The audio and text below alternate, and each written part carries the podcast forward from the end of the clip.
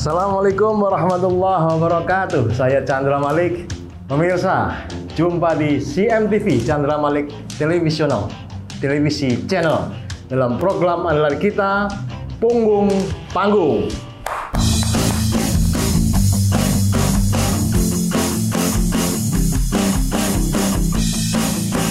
Selalu ada orang-orang di belakang panggung dan orang-orang itulah tulang punggung dari panggung itu sendiri. Nah, pada kesempatan kali ini akan kita hadirkan seseorang yang sudah menjalani cukup lama pengalaman dalam menghadirkan pertunjukan-pertunjukan berkelas di Indonesia. Ardi Gumilar.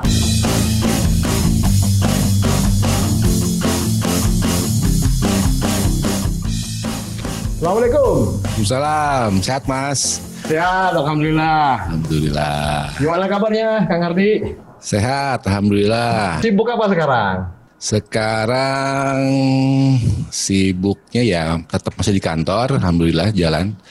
Oke. Walaupun ada beberapa part yang benar-benar off gitu, nggak jalan.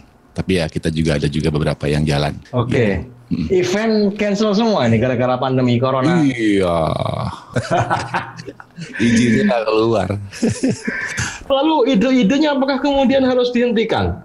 Oh Kreativitas. tidak dong. Kalau ide-ide apa ya harus karena ya kalau kita bicara eh, di dunia event Hah? ya konten is everything. Jadi dari, Oke. dari dari situ kan munculnya beberapa kerjaan itu ya dari dari situ dari ide dari konsep gitu. Dan itu Berubah dong ya wahananya dari off air menjadi on air ya. Hmm, beberapa teman ada yang harus begitu berubah. Mm-mm.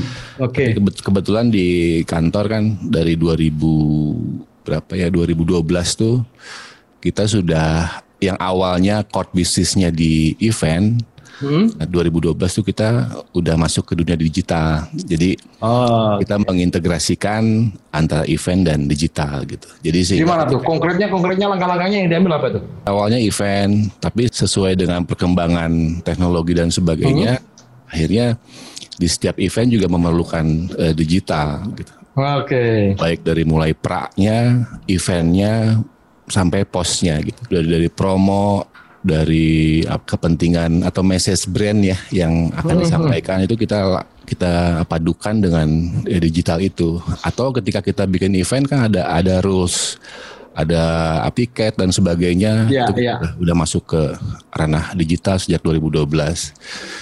Ini sesuatu yang benar-benar baru atau memang sudah sejak lama dipersiapkan kemungkinan akan terjadinya hal-hal seperti ini? Waduh, kita bukan Bill Gates ya.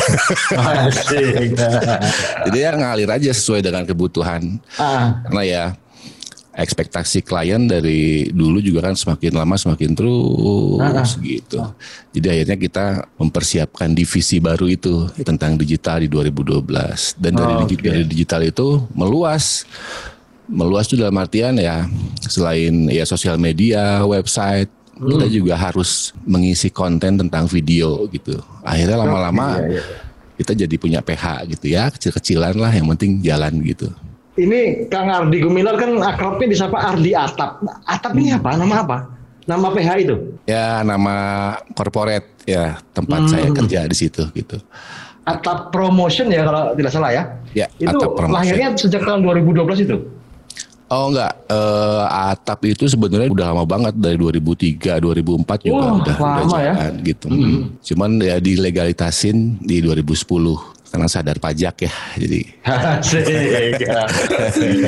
Jadi atap ini yang menggawangi semua langkah-langkah dari mulai yang konvensional ke digital tadi.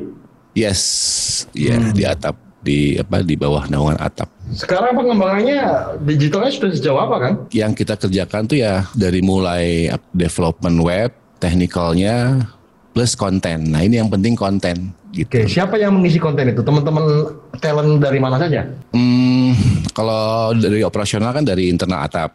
Cuman Oke. ketika perlu konten ya pasti kita akan bersinggungan dengan semua teman-teman di dunia musisi, Iklan ya, oke. entrepreneurship dan sebagainya lah kita kita coba menghubungkan itu gitu. Tapi teman-teman artis ini sepertinya tidak semuanya sudah siap. Sebagian dari mereka masih tergagap-gagap dengan perubahan ini ya yang terlalu cepat ya bagi mereka karena tidak diduga sebelumnya. Popularitas, kemudian gegap gempita, tepuk tangan, puluhan ribu penonton yang selama ini menjadi dunia keseharian mereka tiba-tiba tidak ada lenyap kemudian harus eh, bisa perform sama baiknya hanya berhadapan dengan kamera menggunakan media-media digital tidak merasakan gairah pertunjukan secara langsung ini mensiasatinya bagaimana? Kan? Tanpa mengklasifikasikan ya emang ada beberapa juga yang ya tidak hanya talent sih teman-teman di dunia kita juga sama ada yang belum siap gitu loh. Dengan dengan atau tidak ada service digitalnya. Sehingga Oh, ketika oke. apa eh, kumpulan orang izin nggak bisa ya akhirnya beberapa teman juga udah ada yang beralih ke digital gitu. Dari sekian nama yang Kang Ardi kenal, ada nggak sejumlah nama yang sudah benar-benar siap? Contohnya siapa saja? Misalnya eh, Kang Anji gitu, dia emang udah siap. Jadi artinya sebelum eh, pandemi ini konten digitalnya itu jalan gitu, sehingga Oke. ketika pandemi ini dia udah ready gitu dengan segala perubahan-perubahan gitu. Seorang artis, musisi, entertainer pasti memiliki tim di belakangnya yang membuat mereka bisa bertahan, membuat mereka bisa maju, termasuk juga saya. Saya harus berterima kasih kepada banyak orang.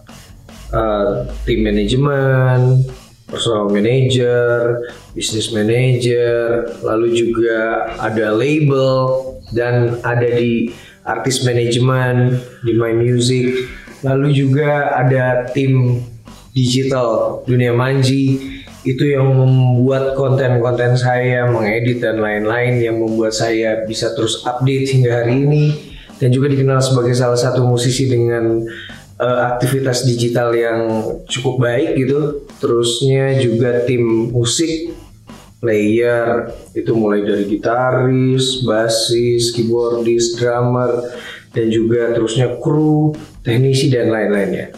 Dan pastinya juga terima kasih untuk keluarga sih.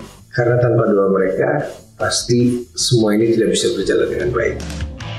Kita harus menghargai dan berterima kasih kepada orang-orang yang ada di belakang panggung. Mereka bekerja cerdas dan keras Mereka berusaha menembus batas Mereka melesat cepat dan tepat Tak mengenal lelah, tak mau menyerah Di belakang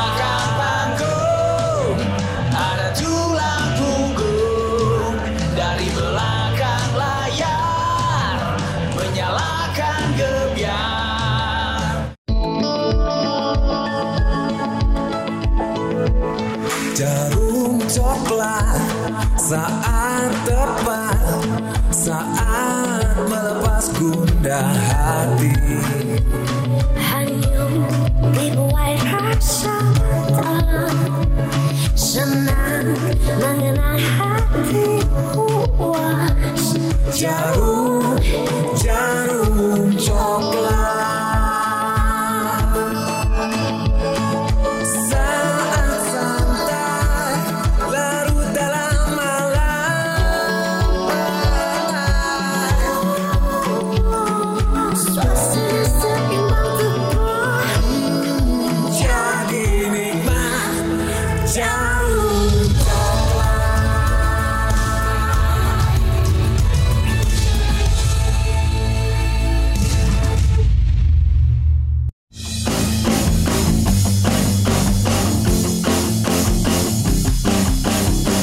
Teman-teman ketika tergagap-gagap ini harus cepat adaptasi, cepat belajar. Tetap ada jedanya dong ketika mereka tidak lagi ada job. Kemudian konser ditiadakan dalam jangka waktu yang cukup panjang. Tapi saya yakin bahwa teman-teman talent ini punya hubungan pertemanan yang kuat dengan event organizer, tidak hanya soal bicara soal pertunjukan. Terus komunikasinya seperti apa untuk saling menunjang satu sama lain? Kalau di kita selalu mencoba menghadirkan konsep-konsep baru ya yang kita kita tawarin ke klien gitu dan ketika itu ACC baru kita bisa bekerja sama lagi dengan beberapa talent gitu. Karena tanpa tanpa itu ya susah juga. Paling juga bisa dikerjakan ya do it yourself aja seperti Oke. apa eh, konten-konten yang biasa gitu tanpa ada sponsor mereka jalan gitu. Seberapa akrab sih antara Ata Promotion ini dengan teman-teman talent, teman-teman artis? Di luar panggung seperti apa? Itu terjalin tidak hanya di event sih sebenarnya artinya Ya, ya. kita coba menservis dari mulai talentnya, kliennya, bahkan kalau ketika kita tour ya dengan warga-warga setempat gitu, Hmm. dengan vendor juga kita akhirnya tuh hubungannya tuh oh em- emosionalnya begitu. Ini kan sebenarnya cuma pembagian peran saja bahwa ada yang di atas panggung, ada yang di bawah, ada yang di depan, ada yang di belakang. Tapi sering kali orang-orang yang di belakang panggung inilah yang menjadi punggung dari pertunjukan itu. Dan peran manajer di sini, eh, teman-teman yang support, yang mendukung artis-artis yang di atas panggung itu, itu bagaimana pihak atau promotion memaintain mereka agar psikologinya tetap nyaman, kemudian tidak cepat merasa bosan. Treatmentnya kayak apa aja, Kang? Yang pertama sih ya selalu ke anak-anak ya, ke tim eh, ngebangun suasana yang kondusif ya, artinya dengan kekeluargaan, dengan kebersamaan gitu. Diteruskan eh, kepada semua pihak yang terlibat. Akhirnya tidak hanya ngobrolin kerjaan, Ya, ya, ya, ya. curhat lah apa, bahkan akhirnya ketika tur ya main bareng gitu, main kartu lah, Oh, begadang oke. lah gitu. Bukan hubungan yang kaku Semua. ya. Yes, Tetap gitu. tetap profesional tapi tidak kaku, tidak kemudian hanya bersifat komersil dan sesuatu yang materialistis tidak ya. Hubungannya kekeluargaan ya. Yes, itu yang yang harus kita bangun karena ya ketika itu klop eh, kerjanya juga enak gitu loh. Bisa nggak disebutkan kira-kira dalam sebuah pemanggungan itu pertunjukan atau event, anggaplah konser musik, siapa saja pihak-pihak di belakang panggung yang memiliki peran sangat besar? Soundman pasti, contohnya begitu ya.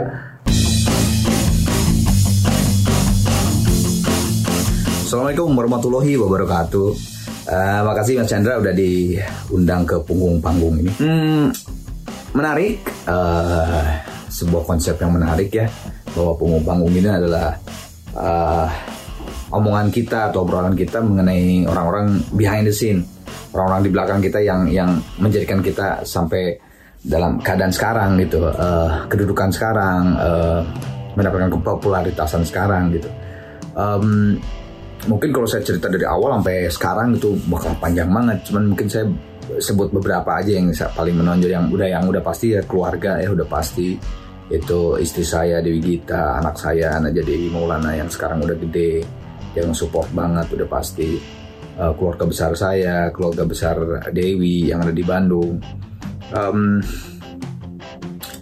eh, ya keluarga besar saya eh, salah satu yang yang dekat banget dengan saya untuk terus nge-support adalah Teh Ria ya. Karena Teh Ria kan memang dunia juga hampir sama dengan saya.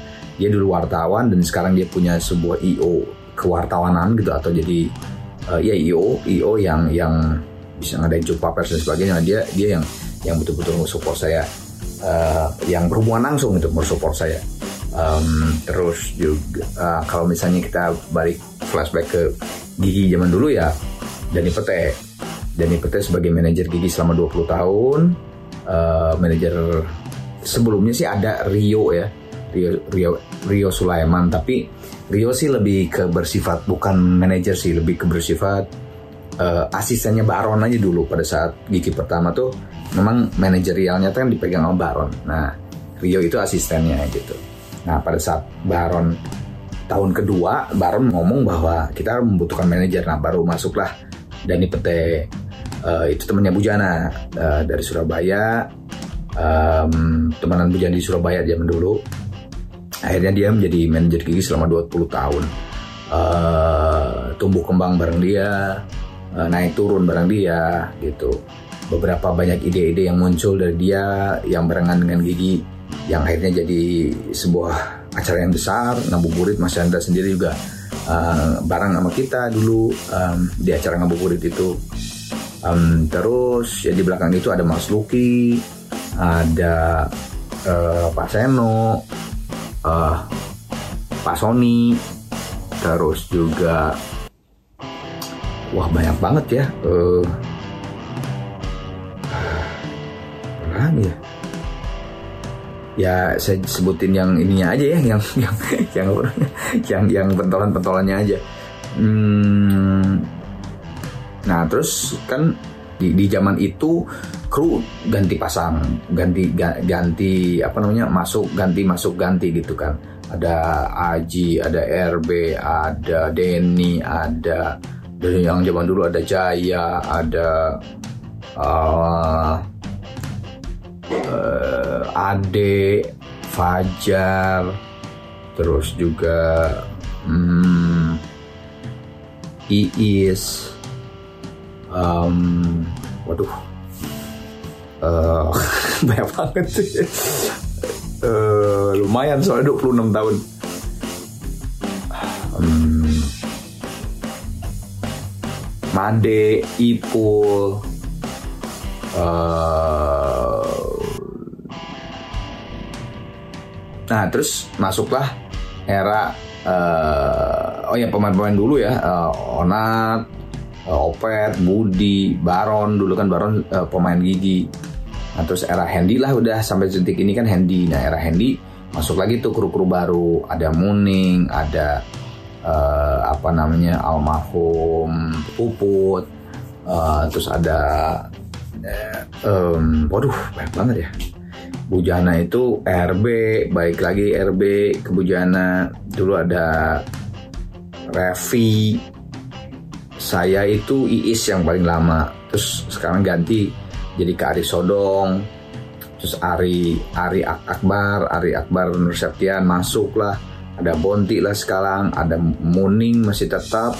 Em, terus juga RB sekarang, terus juga ada Harry sekarang, engineer Wah banyak banget Eh, Almarhum Bruda, Edi Yakobus, Bari, eh, Pepen, em, sekarang angkatan sekarang ada Nabil, ada Yanda, ada Ijal, ada waduh eh hmm, banyak banget ya. Eh ya, manajer Baron sekarang di di kantor sekarang ada Nafsi, ada Mutia, ada eh, aduh siapa lagi ya? Eh, wah banyak banget ya. Pokoknya banyak banget lah ya Eh, orang-orang yang akhirnya gigi maaf banget tuh kalau ada yang nggak kesebut sama saya. Eh, eh, Ya makasih, terima kasih banget. Karena tanpa mereka kita tidak eh, tidak akan mungkin juga sampai seka- kayak sekarang. Eh, karena pada saat kita bertempur, pada saat kita di stage atau pada saat kita di TV atau pada saat kita apa pun itu, ya mereka lah yang di belakang kita yang yang mengatur, yang yang memberikan dukungan, memberikan support. Memang orang melihat bahwa gigi ya eh, gigi yang yang yang di panggung gitu ya, yang ada di panggung. Eh, tapi kan tetap aja tanpa mereka eh, kita tuh lumpuh juga gitu. Oh, terus kan saya juga sekarang punya Arana Project, Arman Maulana Project itu beda lagi tuh main bandnya ada Putra, ada Yang Jai, ada Prama, ada Lodeng. Kadang-kadang dulu dibantu sama Bima, terus ada kadang-kadang dibantu sama Ade Aferi, kadang-kadang dibantu sama Yofi Silensi karena gue kan project solo jadi eh, cabutan playernya gitu. Em, terus ada masuk eh, Engkong atau Rudi ya sebagai manajer di eh, Arana Project tuh. Eh, teman-teman Trinity sebagai label yang sangat membantu banget. Jadi ya banyak banget sih.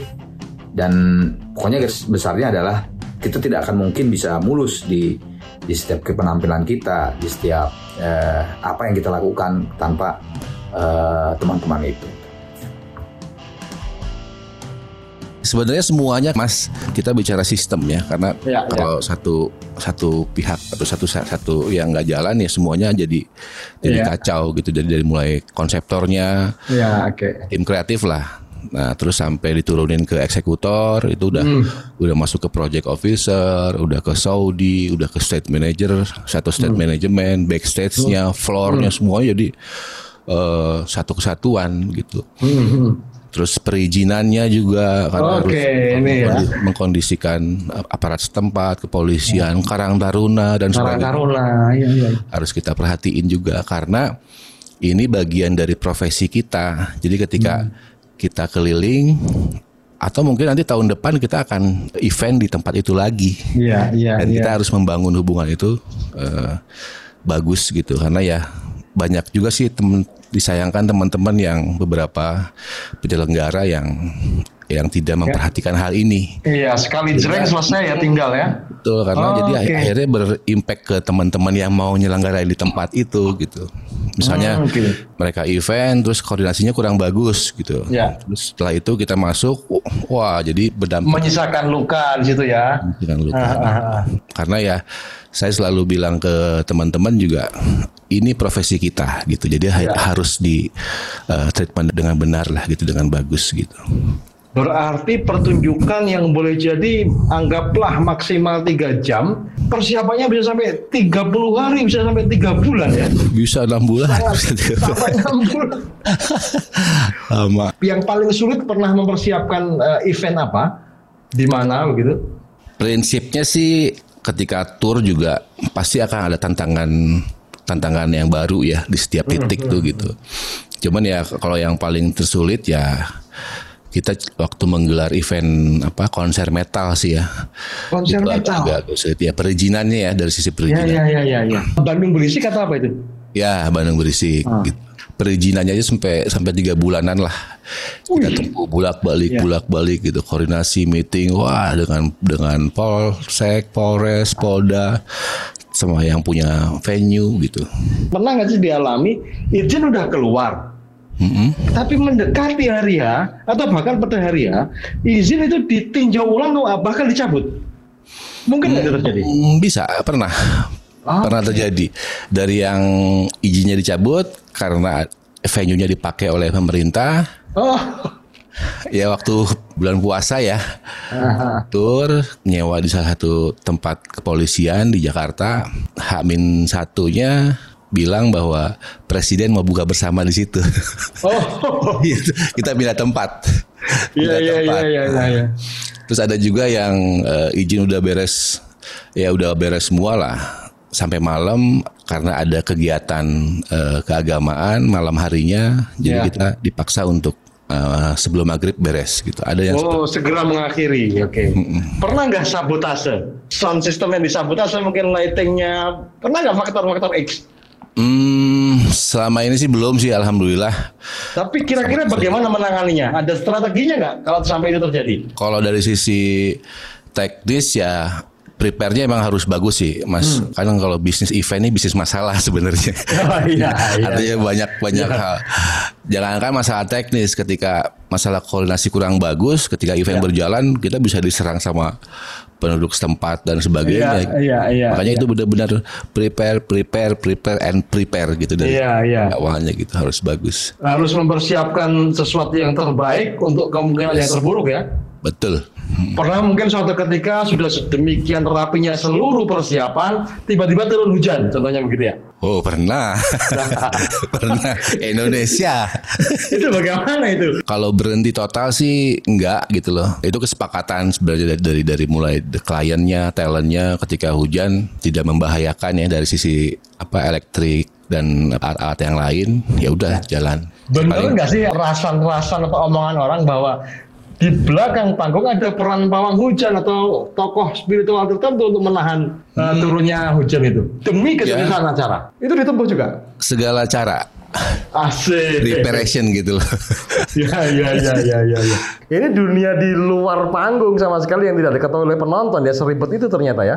Makanya selain event management, event organizer ini sebuah profesi, kita percaya juga bahwa ini merupakan sebuah disiplin ilmu gitu loh, event, event organizer tuh karena sangat berkaitan dengan hal selain apa eh, IO sendiri gitu, dari Ya. mulai budayanya, politiknya, Oke. terus tadi apa cuaca dan sebagainya kita Iya, saling iya, iya, sangat berhubungan gitu, gitu. Mas. Mungkin nggak kalau dalam perjalanan karir karena sudah terbiasa sangat mengenal mengetahui dunia panggung jejaring juga semakin kuat semakin luas terus tiba-tiba pengen naik ke panggung itu menjadi si artis Enggak lah. ada anak seperti itu nggak kira-kira Enggak, enggak, kita bukan artis, bukan. tidak tergoda ya begitu ya Enggak. kliennya nanti takut kemahalan bayarnya. Oh. enggak enggak mas. Emang Atau mungkin- apa nasib ya. di, udah di belakang panggung ya. Ah, udah. iya iya iya, tidak boleh iri, tidak boleh cemburu ya. Betul. peranan peranan. Iya, pembagian peran betul betul. Nah, Kang Ardi kan sudah berpengalaman dari awal tahun 2000 dan sekarang sudah tahun 2020. Hampir 20 tahun, nah 15 tahun lebih lah di bidang eh, event organizing ini. Apa yang bisa Kang Ardi sarankan kepada teman-teman yang memiliki minat terhadap dunia entertaining ini dan bakat bahkan terus ingin mendalami dunia ini? Tadi udah saya singgung tadi bahwa ketika eh, teman-teman sudah memilih dunia event ini sebagai profesi, ya lakukan dengan benar dalam artian ya belajar gitu ya, mencari hal-hal baru, kreatif, membentuk tim yang bagus gitu. Karena ya ketika hanya dilakukan sekali-sekali seadanya ya Iseng aja ya. iseng aja ya hasilnya juga nggak bakal maksimal gitu. Dari awal pembikinan eh, event organizer ini tahapannya apa aja sampai Kang Ardi sampai posisi yang sekarang? Ya kalau pribadi sih ya sempat apa sih istilahnya menclok-menclok gitu loh ke Ya, ya. ketemu Magang ya? magang dan sebagainya. Magang sangat penting berarti ya, supaya Betul. kita tidak tidak Betul. kosong pengetahuan ya. Yes. Langkah awal magang, kemudian ketika pengen mendirikan sendiri, apakah perlu rekanan? Yes, kalau saya sih lebih percaya itu sinergi ya zaman zaman sekarang apalagi ya. Ya, ya. Harus ada harus ada kekuatan lain yang mensupport Hmm, eh, kitanya gitu. Magang langkah awal. Yang kedua mengajak rekan ya. Yang Betul. ketiga mungkin struktur organisasi harus dibikin yang gemuk atau yang ramping yang paling cocok. Yang ketiga sih legalitas dulu ya. Oh legalitas, oke. Betul, Oke. legalitas. Karena nanti pembayaran ke klien kan ya lewat perusahaan gitu ya. Ah, Ya, baru yang selanjutnya tim ya, struktur ya. Tim, oke struktur. Meyakinkan pihak sponsor ini bagaimana caranya? Hmm. Kita punya ide. Kita ingin mengundang si A, ingin mengundang si B, ingin bikin event tertentu. Tapi kita masih nol pengalaman, kita bahkan tidak tahu harus berbuat apa. Caranya bagaimana? Caranya. sebentar, sebentar.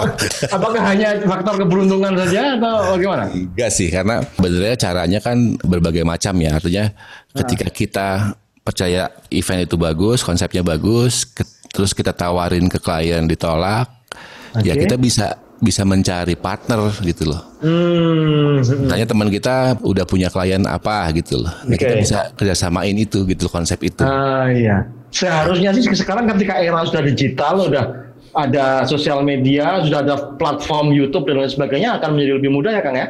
Yes, Untuk harusnya membuktikan bahwa kita mampu ya. Betul karena portofolio kita semua tuh bisa di di sosmed kan gitu. Iya iya iya. Jadi klien bisa melihat apa pergerakan event kita gitu loh. Oke, satu pertanyaan terakhir Kang. Saat ini sedang mempersiapkan event apa pada musim pandemi seperti ini dengan format digital? Ya, Eh, ada beberapa apa konsep yang akan jalan dan udah jalan sih. Oke. Ya semuanya ya streaming ya. Kita nyiapin event yang komersial sama yang movement lah ya, yang Movement, berdonasi dan sebagainya gitu. Ah, Tentu nggak jauh dari musik sih. Jadi melibatkan teman-teman eh, musisi juga dan ada Oke. beberapa event-event yang untuk donasi gitu. Ah, itu punya studio sendiri berarti Kang Ati? Dipaksa begitu. Mau nggak mau ya? mau nggak mau akhirnya kita Ah, oke. eh, bikin studio sendiri gitu buat konten-konten buat acara-acara kita gitu jadi mandiri Oke. lah gitu Terima kasih atas hadirnya Kang Ardi. Kita akan jumpa Siap, lagi Mas. pekan depan dalam program yang banyak sekali ilmu bisa kita timba.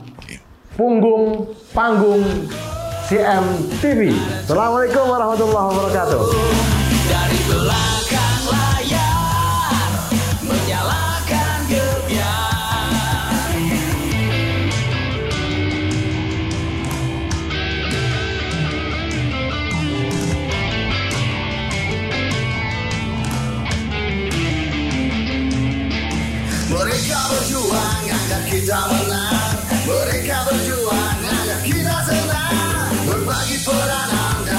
berjuang agar